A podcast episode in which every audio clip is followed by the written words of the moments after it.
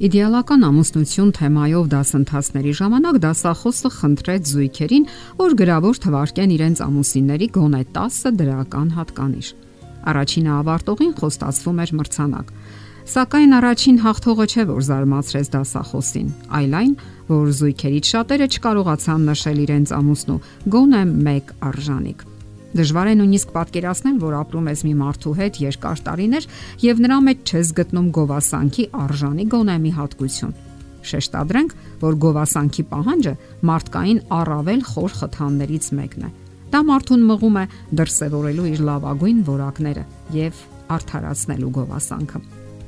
Ամուսնական կյանքի առօրյական վազվզոցի մեջ մենք հակված ենք մեր ամուսնուն ընդունելու որպես ինքնին ենթադրվող մի բան Մենք դադարում ենք նկատել մեր կյանքի ուղեկցի բնավորության արժանինքները, ուժեղ կողմերը եւ ավելի հաճախ ուշադրություն ենք դարձնում այն թուլություններին ու թերացումներին, որոնք նյարդայնացնում են մեզ։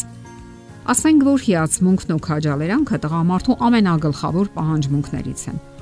Կինը սիրված լինելու կարիք ունի, իսկ տղամարդկանց անհրաժեշտ է հիացմունք, որքան էլ շատերի համար զարմանալի լինի այս փաստը։ Ընտանեկան փոխհարաբերությունների բնագավառի հայտնի մասնագետ Ռուֆ Պիլեն այսպես է գրում. Եթե դուք ցանկանում եք, որ տղամարդը շարունակի սիրել ձեզ, ձեզանից միայն մեկ բան է պահանջվում՝ հիանալ նրանով եւ ընդ որում այնպես, որ նա իմանա այդ մասին։ Այդ կենսական փոքրիկ ճշմարտությունը շատ ընտանիքներ է փրկել քայքայումից։ Խոշորագույն առևտրական պալատի նորընտիր նախագահներից մեկը այսպես է գրում.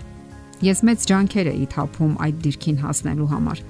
Մեծ խնամքով պատրաստեցի իմ ճառը եւ արտասանեցի պալատի բոլոր անդամների ու նրանց կանանց, նաեւ հյուրերի ներկայությամբ։ Իմ ելույթից հետո շատ ընկերներ շրջապատեցին ինձ, որpիսի սեղմեն зерքս եւ շնորհավորեն փայլուն ճառի համար։ Ես իհարկե հիացած էի, սակայն այն մարդը, ում գովասանքին ես սпасում էի ամենից առավել, ոչ մի խոսք չասաց։ Այդ մարդը իմ կինն էր։ Ինչ որ մեկին դա կարող է աննշան թվալ, սակայն այդ օրվանից ես սկսեցի որոնել մեկ ուրիշին, ով ըստ արժանվույն կգնահատեր ինձ։ Տղամարդը գնահատում է մարդկանց հարգանքն ու խրախուսանքը, սակայն կա մեկը, ում վրա տպավորություն գործելը նրա համար շատ ավելի կարևոր է, քան գործընկերների, բարեկամների կամ հարևանների։ Այդ անznավորությունը նրա կինն է։ Շատ տղամարդիկ մեծ նշանակություն են տալիս իրենց ֆիզիկական տվյալներին։ Այդպիսի տղամարդիկ ցանկանում են, որ կանայք հիանան իրենց առանձնահատուկ տղամարդկային որակներով։ Եթե ձեր տղամարդը նման հակում ունի, հիացեք նրա կառուցվածքով եւ ուժով։ Տղամարդկանց դուր է գալիս,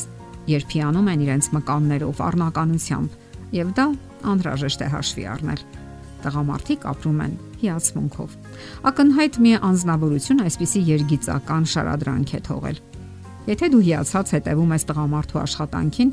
եթե նա դուր է գալիս քեզ կամ դու սիրում ես նրան, անմիջապես նրան ասա այդ մասին։ Մի հետաձգիր քո քաջալերանքը,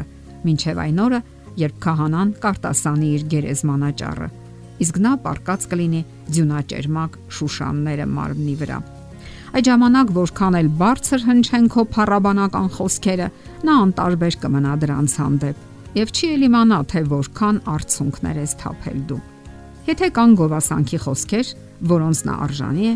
հենց հիմա կարող եք արտաբերել։ Հենց հիմա է ամենապատեժ ժամանակը, որովհետև նա չի կարող կարդալ դրանք իր տապանակարի վրա։ Գուցե ձեր ամուսինը անչափ նվիրված է իր գործին։ Դա նույնպես հիացմունքի արժանի փաստ է։ Հիշեք նաև թե ինչպես է նա կանոնավոր գումար վաստակում։ Շատ կանայք իրենց ողջ կյանքում օգտվում են տղամարդու դրամական սատարումից առանց երախտագիտության զգացումի, դա համարելով բնական ու ինքնին ենթադրվող մի բան։ Ուշադրություն դարձրեք նաև թե որ գործն է նա առանձնահատուկ տաղանդով անում՝ սիրով, ճարպկությամբ, Նա կարող է հակված լինել տեխնիկային, մաթեմատիկային կամ ընթերցանությանը։ Այդ բոլորը կարող է առիթ լինել կնոջ համար, որpիսի բարձր գնահատականի արժանացնի իր ամուսնուն։ Եթե ուրախadir լինեք, երախտագիտության արժանի շատ բաներ կգտնեք ձեր ամուսնու մեջ։ Երբեմն նա թույլ է տալիս, որ օգտվեք իր մեքենայից, օգնում է տնային գործերում, ժամանակ առ ժամանակ լվանում է ափսեները, թափում է աղբը, Դիտողություն չի անում ձեզ, երբ ուշացնում եք ճաշը։ Հիշում է ձեր ծննդյան օրերը։ Չի խնայում իր ժամանակն ու ուժերը, որpիսի լավ ամուսին եւ լավ հայր լինի։ Երբեմն նա իր գործերով դուրս է գալիս եւ իր հետ վերցնում երեխային, որpիսի դուք հնարավորություն ունենաք հանգստանալու։ Այս բոլոր դեպքերում ձեր երախտագիտությունը միայն կուժեղացնի ձեզ ծառայելու նրա ցանկությունը։ Այսպիսի պահ եւս Ժամանակ առ ժամանակ տղամարդիկ փորձում են փոքրիկ նվերներով, հուշանվերներով ուրախացնել կանանց։ Իսկ կանայք հաճախ անշնորհակալ վերաբերմունք են դրսևորում հուսահատության կամ քննադատության տեսքով։ Տղամարդկանց խորհուրդ են տալիս տնտեսել գումարները, եթե թանկարժեք նվերներ են գնել։